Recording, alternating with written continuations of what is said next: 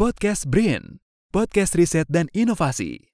Eksplorasi sains tanpa batas.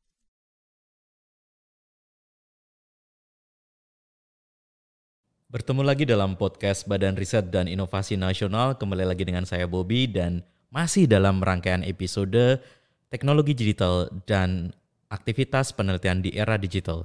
Dan dalam episode kali ini telah hadir bersama saya saudari Media Media Reni Sulaiman atau biasa dipanggil Reni. Selamat datang Reni. Hai, selamat datang juga Mas. selamat pagi. Selamat pagi. Dan uh, Reni, uh, saya bertemu Reni adalah dalam suatu kegiatan uh, training tentang digital age di University Griffith Australia. Dan saat ini saya dan Reni berkolaborasi untuk melakukan pengembangan uh, managing data penelitian melalui secara digital dan juga um, metode riset digital sesi 2 di tahun 2022. Dan Reni ini adalah pustakawan di Pusat Data dan Informasi uh, BRIN atau Pusdatin BRIN dan Reni ini cukup aktif uh, kegiatan bersama Perpusnas Nasional dan dapat beberapa award ya kalau nggak salah terakhir kemarin dan dia juga berkolaborasi dengan Liberian uh, Global. Dan kali ini kita mengundang Reni akan mengetahui lebih dalam mengenai data management planning dalam siklus penelitian. Data management planning atau DMP merupakan bagian penting, namun sayangnya masih sedikit disampaikan di dalam mata kuliah metode penelitian di kampus-kampus misalnya. Nah, tentang DMP ini seperti apa, maka kita coba akan tanya-tanya kepada Reni, apa sih DMP? Nah, Kira-kira nih Reni, supaya uh, teman-teman peneliti atau akademisi ini memahami apa sih DMP, uh, eh, terutama terkait dengan siklus penelitian, bisa nggak diceritakan apa sih DMP itu? Iya, DMP ya, singkatan dari Data Management Planning, hmm. atau kalau bahasa Indonesia-nya perencanaan data penelitian. Biasanya ini di uh, embedded di dalam satu proposal riset ataupun clearance etik. Dan sebenarnya komponennya itu dikit banget, hanya mm -hmm. ada lima poin mm -hmm. yang bisa kita sampaikan. Apa aja itu lima poin? Iya, jadi si peneliti itu perlu aware atau mengenali datanya dulu. Satu, kenali data. data. Kemudian saat uh, di proposal itu kan pasti ada namanya metode penelitian dan Betul. collecting data. Nah, poin kedua adalah setelah mengenali data, mereka pasti tahu cara memperoleh datanya. Oke. Nah, jadi yang kedua adalah bagaimana mendapatkan data atau data collection dan ketiga. Yang ketiga, setelah mengenali dan memperoleh data tentu ada ada penyimpanan dong. Okay. Nah, di situ ada tahapan namanya pengelolaan data. Itu e, sebenarnya ada siklusnya sendiri, tapi teman-teman peneliti ataupun para pelaku riset pasti mengetahuinya.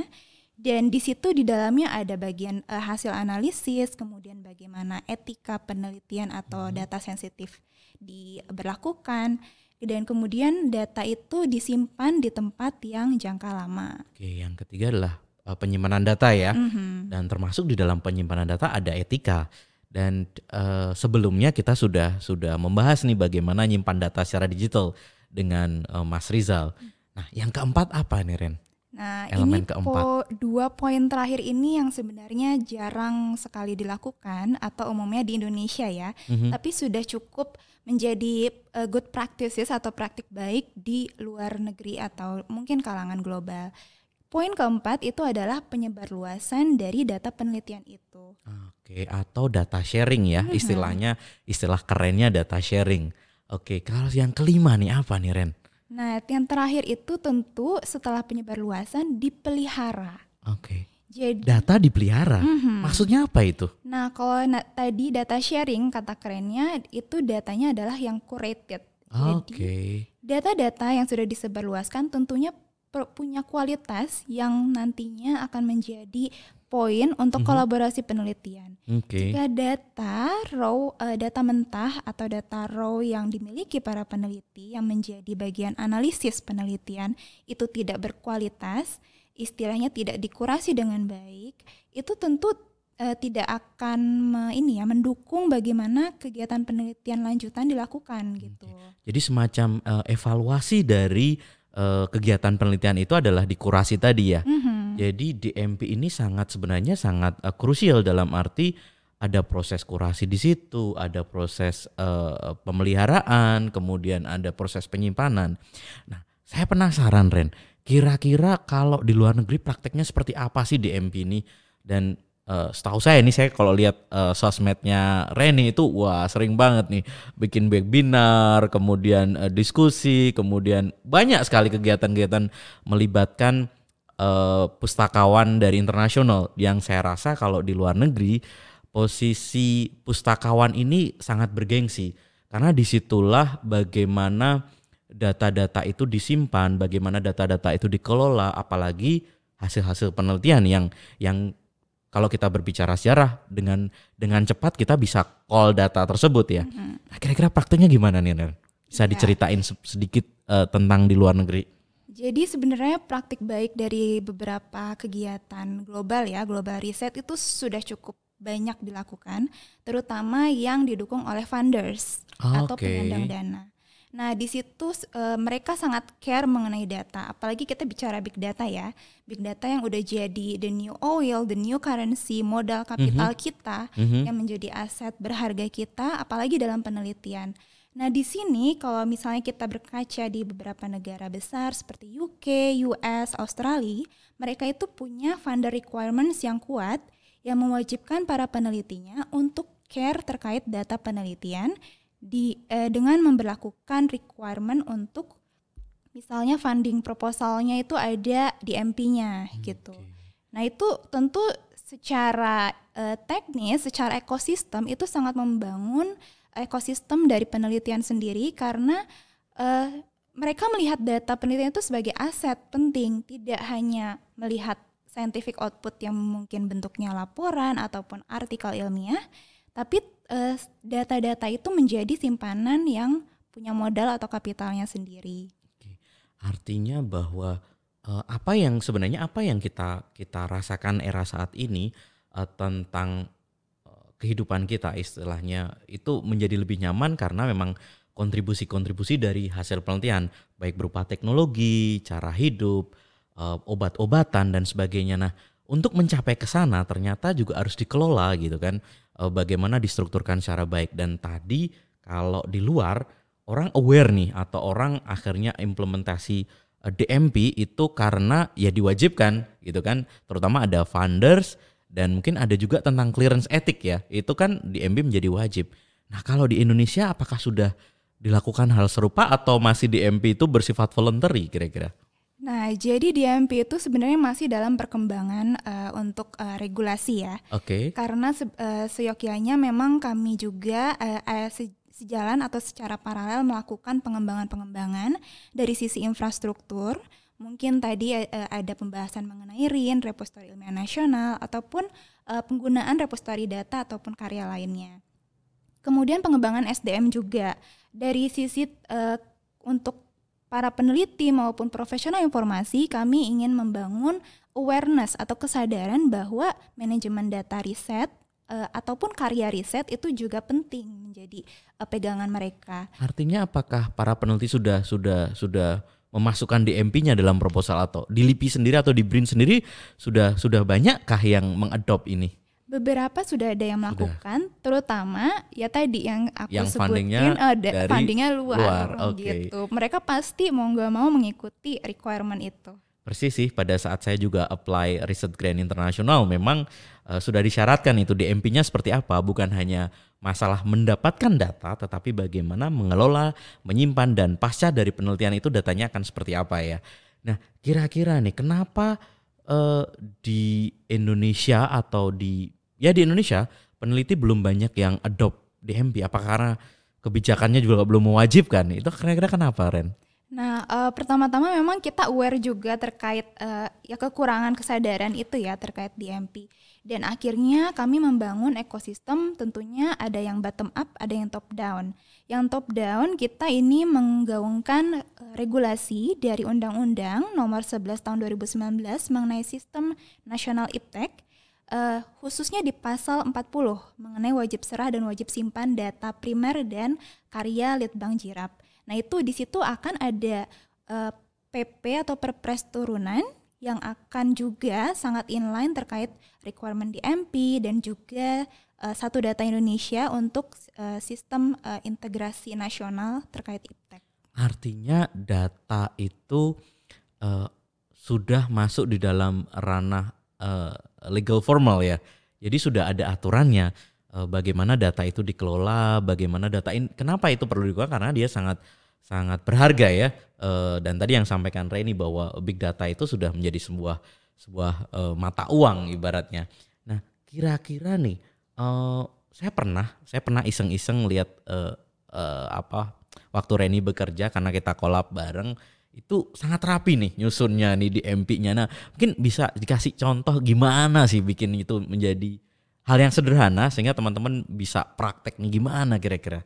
Iya, seperti yang tadi ya, sangat uh, sangat simpel sekali. Kita bisa mengikuti polanya di MP. Itu pertama mengenali data dulu. Kalau misalnya kita di dalam tim kegiatan riset ataupun hmm. secara individu, tentunya bisa diawali dengan uh, perbaiki dulu nih pola manajemen data yang ada di file dan folder kita. Mm-hmm. Itu hal kecil tapi sangat ngena gitu ya karena nantinya uh, saat sharing data maupun saat analisis data kita akan mudah menerapkan prinsip FAIR namanya yang sangat uh, paling kita sering gaungkan kepada para teman-teman peneliti maupun komunitas ilmiah bahwa adanya prinsip findable kemudian okay. mudah, uh, mudah dicari, uh -huh, kemudian accessible, mudah okay. diakses, mudah diakses, interoperable dan uh, reusable. Oke, okay. berarti artinya bisa diulang, digunakan lagi untuk penelitian selanjutnya atau penelitian yang lain dan ini termasuk dalam data sharing tadi ya. Kalau yang into apa tadi yang in interoperable itu apa kira-kira maksudnya? Iya, kalau itu merupakan bagian dari uh, bahwa data itu bisa dibaca jangka panjang okay. ataupun disim, uh, disimpan di dalam sistem yang jangka panjang dan terbaca. Artinya readable ya. Jadi yang hmm. kita, uh, bukan hanya kita tetapi misalnya uh, ada peneliti lain yang membutuhkan data, dia bisa mudah memahami data kita itu seperti apa. Jadi menggunakan bahasa universal ya. Kurang lebih seperti itu ya Ren ya. Nah, kalau misalnya Ren, kalau saya masih ah males lah pasti DMP masih malas mempelajari resikonya apa nih kira-kira nih Ya, tentu uh, lebih ke expertise ya. Kalau misalnya kita bicara keahlian kita terkait mm -hmm. satu bidang tertentu dan output kita kebanyakan artikel ilmiah misalnya ataupun laporan dan beberapa output uh, bentuk litbang jirat, jika seseorang atau pihak ketiga ingin berkolaborasi dengan kita dan tertarik dengan penelitian kita terdahulu tapi kita tidak memiliki data mentahnya dengan mungkin alasan pragmatis laptop saya hilang, uh, hard disk saya rusak, okay. ataupun nah, itu sering banget semua itu. printed materials kita nggak ada di arsip mana dan hilang sudah gitu. Ataupun mungkin kita di dalam tim kolaborasi datanya itu dipegang banyak pihak uh, dan mungkin tidak update gitu. Jadi uh, satu hal yang sangat disayangkan jika kita sendiri manajemen data pribadi maupun tim itu minim maka dari itu awareness terkait manajemen data penelitian sangat penting. Artinya kita bisa ke kalau misal saya bertahan dengan ya udahlah dicampur-campur apalagi kan kok buru-buru nih kayak, kayak simpan-simpan aja gitu apalagi yang simpan dal eh, dalam client base model client base di laptopnya atau di mesin mesin uh, eh, PC-nya masing-masing itu susah nyarinya ya kan susah nyarinya kemudian uh, kehilangan potensi kolaborasi dan juga kehilangan uh, apa namanya potensi untuk didanai dari pihak pihak-pihak eksternal ya. Dan kira-kira juga mungkin akan semakin ke depannya akan semakin kacau pada saat kalau kita produktif, kita banyak uh, riset, kemudian um, susah nih nyari, wah ini risetnya di mana gitu ya, apa datanya di mana. Dan kalau tidak salah pun beberapa publisher uh, jurnal itu juga meminta data beberapa data. Kalau kita mau publish artikel ilmiah, mereka juga minta data mentahnya kayak apa, ya nggak kan? Betul, betul banget. Dan beberapa publisher luar, uh, termasuk sebenarnya di Indonesia sudah ada yang menerapkan, mm-hmm. mereka meminta supplementary files yang berbentuk raw data. Dan itu uh, ke depannya atau memang sedang terjadi juga, itu akan di peer review juga. Jadi tidak hanya naskah, tetapi raw data atau data mentahnya agar memastikan bahwa artikel ilmiah itu benar uh, absah valid gitu ya dan valid betul. Oke, okay. jadi artinya nggak sembarangan nih untuk melakukan publikasi ilmiah, nggak asal gitu ya, nggak dan uh, salah satunya ternyata ke depannya data pun akan divalidasi bukan hanya artikelnya. Kalau tadinya kan kita pakai uh, misalnya untuk yang uh, cek aslian naskah itu kan juga kita pakai salah satu aplikasinya kalau nggak salah Turnitin ya itu kan juga dipakai dan nantinya jangan-jangan juga ada aplikasi yang bisa ngecek keabsahan data tadi ya. Nah, uh, kalau misal nih buat orang yang uh, awam gitu, mulai dari mana selain tadi aware bahwa memisahkan jenis data, mungkin maksudnya memisahkan adalah apakah ini bentuknya teks atau bentuknya ini adalah video atau apakah seperti itu yang dimaksud Ren? Iya, uh, organisasi sih, ya. lebih ke organisasi data, ya? dan file naming data. Jadi simpelnya adalah memastikan bahwa setiap data yang kita produce, uh, every level of step of act, uh, research activities itu perlu didokumentasikan uh, dengan baik.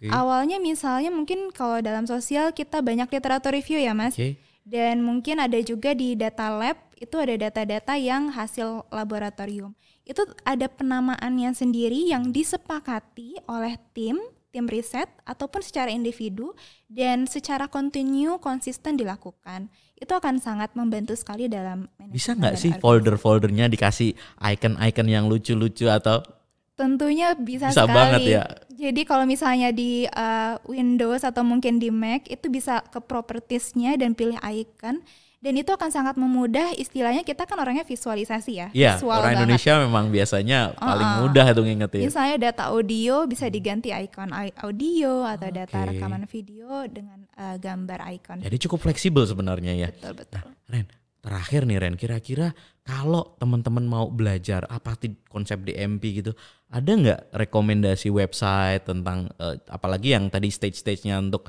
nanti icon, kemudian naming gitu. Kira-kira ada ada uh, website ataupun dokumen yang bisa ya dibaca secara singkat.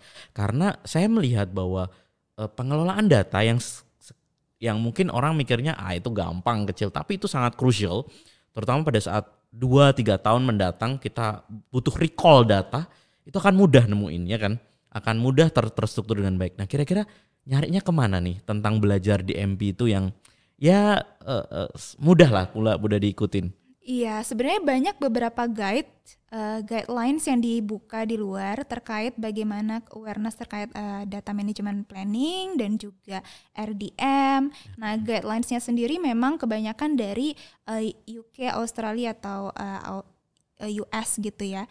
Nah di Indonesia sendiri kami sedang membuatnya dan okay. itu uh, Ini collab di, di LIPI atau atau di, di uh, nanti ke depannya akan Brin, akan Brin kolaborasi okay. dengan para penyandang dana. Wow. Gitu, penyandang dana dan juga kelembagaan iptek istilahnya ya, karena uh, yang sesuai yang tercantum di UU Sisnas Iptek itu bahwa penyandang dana dan kelembagaan iptek punya andil untuk me menggaungkan terkait uh, eh, DMP, RDM, Research Data Management juga dan juga Open Science Artinya bahwa kontribusi dari uh, BRIN untuk pengembangan ilmu pengetahuan di Indonesia bukan hanya sekedar uh, menyiapkan infrastruktur secara digital RIN tadi, repositori ilmiah nasional, tetapi juga bikin guideline uh, kepada peneliti dan akademisi di Indonesia uh, bagaimana mengelola data. Kurang lebih seperti itu ya Ren ya. Baik Ren, terima kasih banyak uh, obrolan kita tentang uh, data management planning yang saya rasa akan sangat bermanfaat buat para akademisi di Indonesia. Terima kasih banyak Ren. Dan uh, pengelolaan data yang baik akan menghasilkan kualitas penelitian yang baik, bermanfaat dalam proses diseminasi uh, maupun pada saat kita akan mengapply uh, research grant serta juga memenuhi aspek etika penelitian. Praktik pengelolaan data yang benar akan mendukung peneliti, akan melindungi peneliti maupun objek peneliti serta materi penelitian itu sendiri di masa mendatang. Semoga diskusi ini bermanfaat dan sampai jumpa pada episode selanjutnya. Eksplorasi sains tanpa batas. Salam Brin.